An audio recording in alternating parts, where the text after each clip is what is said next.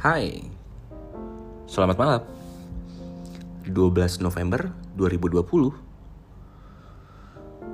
Apa kabar kalian semuanya? Semoga sehat-sehat terus ya. Semoga semua kegiatannya lancar-lancar aja. Malam ini gue pengen ngebahas soal Kemapanan. Kemapanan dari perspektif gue dan dari beberapa perspektif lainnya.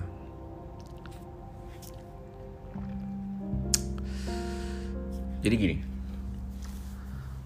yang jadi topik gue itu sebenarnya kemapanan di sisi cewek sih.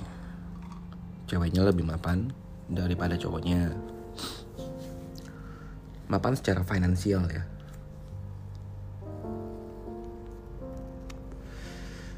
Dalam case ini buat dia mau nikah dan mungkin sudah menikah ya. Banyak ketimpangan sosial yang gue lihat. Dari soal kemapanan finansial secara finansial. Seorang cewek yang sangat-sangat mapan ketimbang cowoknya itu bagus. Nggak ada salahnya sama sekali. Cuman yang terjadi di lapangan adalah si cowok ngerasa minder cowok ngerasa kalah sama cewek. Kenapa?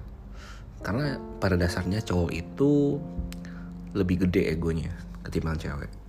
Ego itu adalah sebuah sebuah kebiasaan, sebuah keharusan buat seorang cowok ya.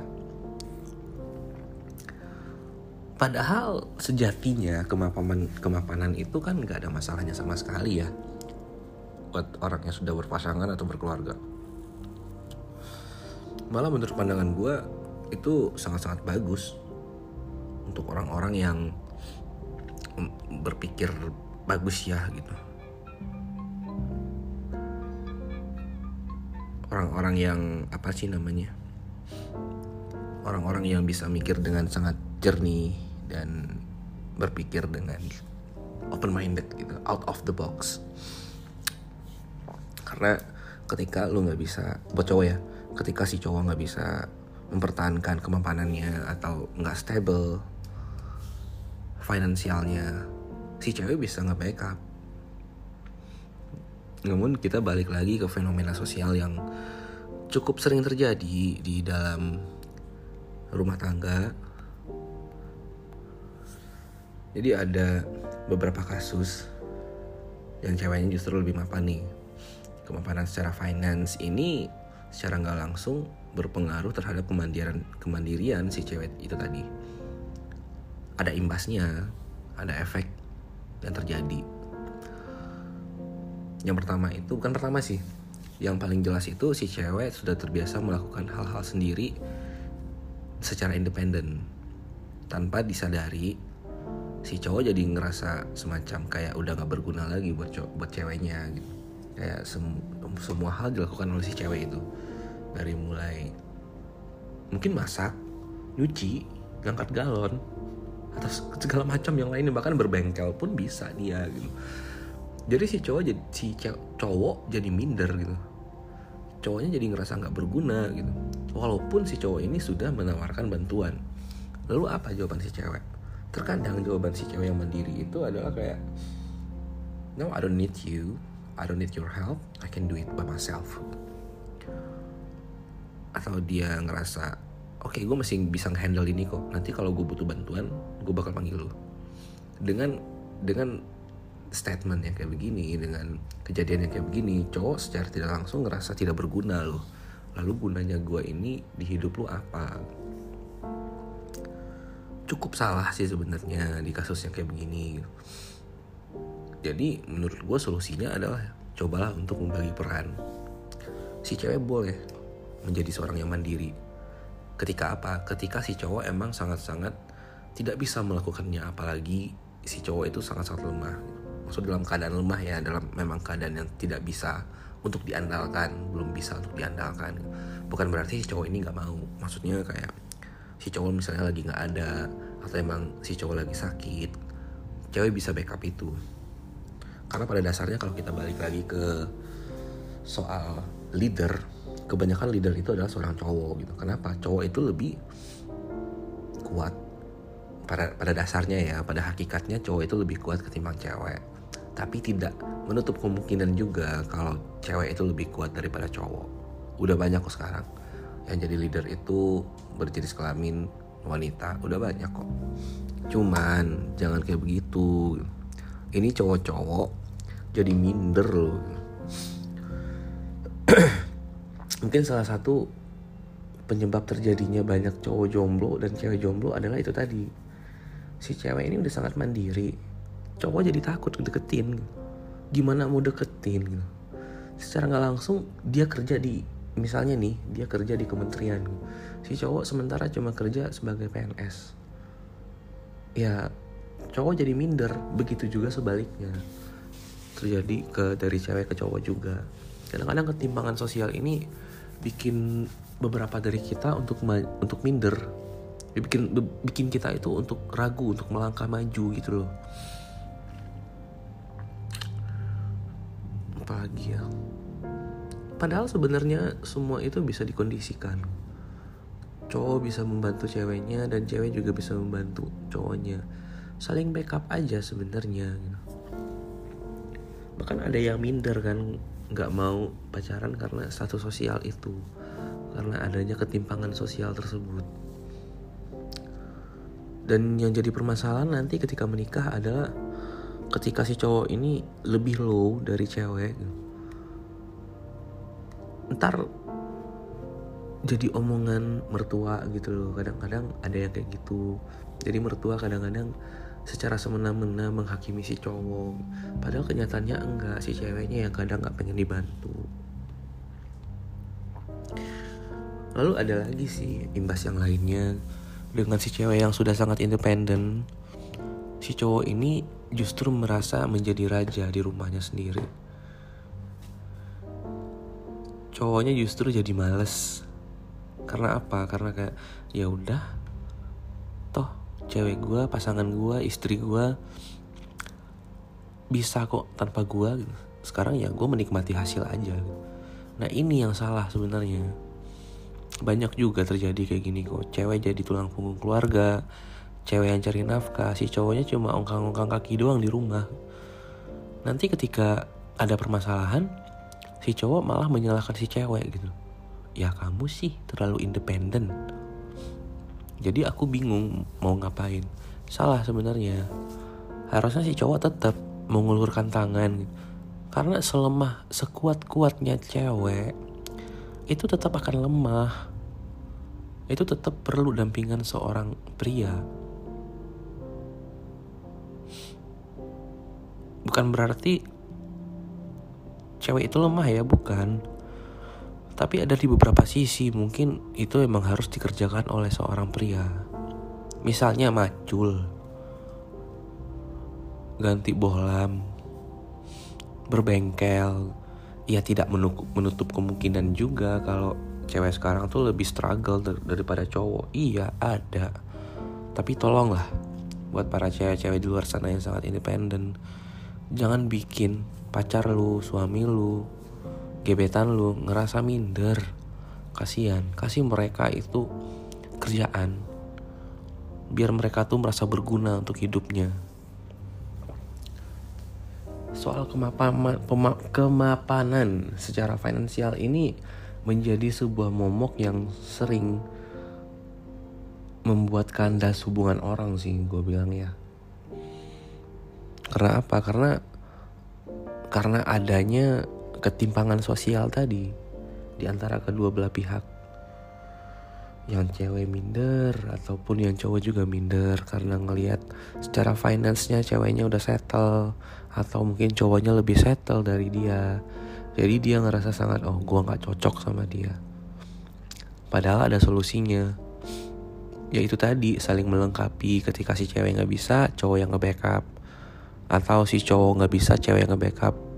Eh gimana ya pokoknya gitu deh saling backup emang sih finansial itu salah satu faktor yang sangat-sangat krusial yang sangat-sangat diperlukan dalam sebuah hubungan emang sangat benar sekali Tapi nggak ada salahnya ketika salah satu dari kita untuk menurunkan ego. Nah, ada timbul lagi permasalahan nih. Kalau pasangan itu sih aman-aman aja gitu. Cewek cowoknya sih aman-aman aja gak masalah. Terkadang dari pihak keluarga nih, dari pihak keluarga yang kadang terlalu mencela-mencelai banget. Jadi saran gue mungkin si pasangan ini ngasih tahu ke keluarganya ini loh keadaannya tapi aku yakin dia bisa karena membangun rumah tangga itu kan menyatukan dua keluarga yang berbeda isi kepalanya tugas dari pasangan masing-masing itu adalah meyakinkan keluarga mereka kenapa aku berani bilang kayak begini karena itu terjadi di gua dan sering terjadi di lingkungan gua. Ketika si cowoknya sudah meyakinkan keluarganya, eh si ceweknya ternyata yang tidak bisa meyakinkan keluarganya. Alhasil apa? Ketika perundingan untuk menikah segala macam, kandas lagi, gagal lagi. Sebenarnya ya apa ya? Don't don't make it complicated lah make it simple mungkin kita bisa lebih membuat segala sesuatu itu lebih simple biar nggak carut marut biar nggak semraut biar nggak terlalu kusut jangan sampai kusut kusut banget toh nanti yang akan menjalani kehidupan rumah tangga itu ya mereka bukan keluarganya keluarganya itu adalah sistem support tim support yang harus mau nggak mau mensupport pasangan itu untuk hal-hal yang positif. Tempat untuk kembali pulang ketika capek. Kembali pulang dalam artian kayak mungkin akan menanyakan kepada keluarganya, aku punya masalah ini. Aku sudah coba ngomong sama pasanganku, but I cannot handle it. Would you like to help me? Gitu. Mungkin kayak begitu. Sekali lagi, dari pandangan gue, kemapanan itu sesuatu yang sangat tentatif, relatif, dan dinamis. Kemapanan itu akan selalu berubah seiringnya waktu. Nggak pernah ada yang statis soal kemapanan. Ada yang bilang mapan di umur 40, ada yang mapan di umur 25, ada yang justru mapan dari muda. Karena apa? Dari muda bisa mapan, orang tuanya kaya kayak geng halilintar itu kaya raya kayak Nagita itu emang kaya raya oke deh kita jangan ambil contoh dari artis atau public figure kita mungkin bisa ambil contoh dari orang-orang yang sangat berjuang dari nol. Banyak kok di lingkungan kita pasti sangat-sangat banyak. Lalu gimana caranya untuk mencapai sebuah kemapanan? Nggak ada cara yang pasti. Yang ada itu sih kita tetap berproses. Karena kemapanan di masing-masing orang itu berbeda pahamnya lalu gimana pandangan gue soal kemapanan itu sendiri pandangan gue tentang kemapanan itu adalah sebuah kesiapan mental sebuah kesiapan finansial yang menurut gue pribadi itu ya berdasarkan limit yang kita punya, berdasarkan batas yang kita punya. Kemapanan secara mental, fisik, finansial, dan faktor lainnya itu sangat diperlukan untuk sebuah hubungan yang sangat-sangat bagus. Kemapanan pola pikir. Kenapa gue bilang mapan juga ya? Karena mapan itu mungkin sebuah kesiapan kali ya. Oke, coba kita lihat di KBBI kemapanan.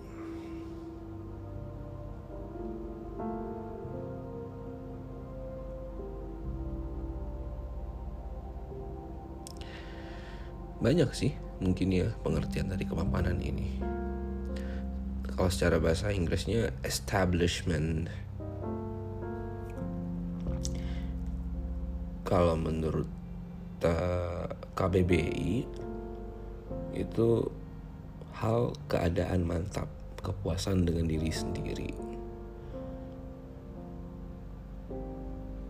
Dan sebenarnya kemapanan ini adalah kebutuhan untuk jangka panjang, bukan jangka pendek. Jadi buat kalian, buat gue diri sendiri gitu. Raihlah kemapanan itu dengan berproses yang sangat baik. Berproses dengan baik mengikuti alurnya. Ketika lu menemukan kerikil-kerikil kecil tetap jalani itu. Ketika lu capek istirahat dulu untuk mencapai kemapanan itu lagi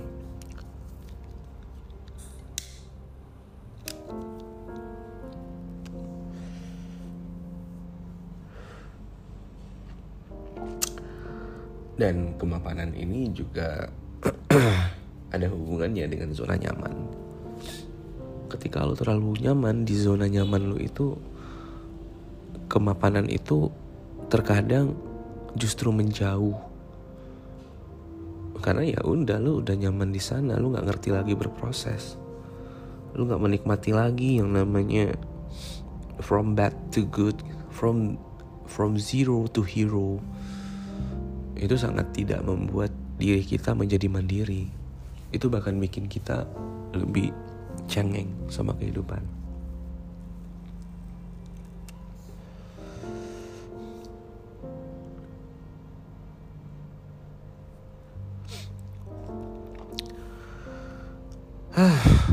Kalau ngomongin soal kemapanan itu banyak perspektifnya, sangat-sangat banyak. Tapi yang jelas, untuk mencapai sebuah kemapanan, jangan lupa untuk berproses.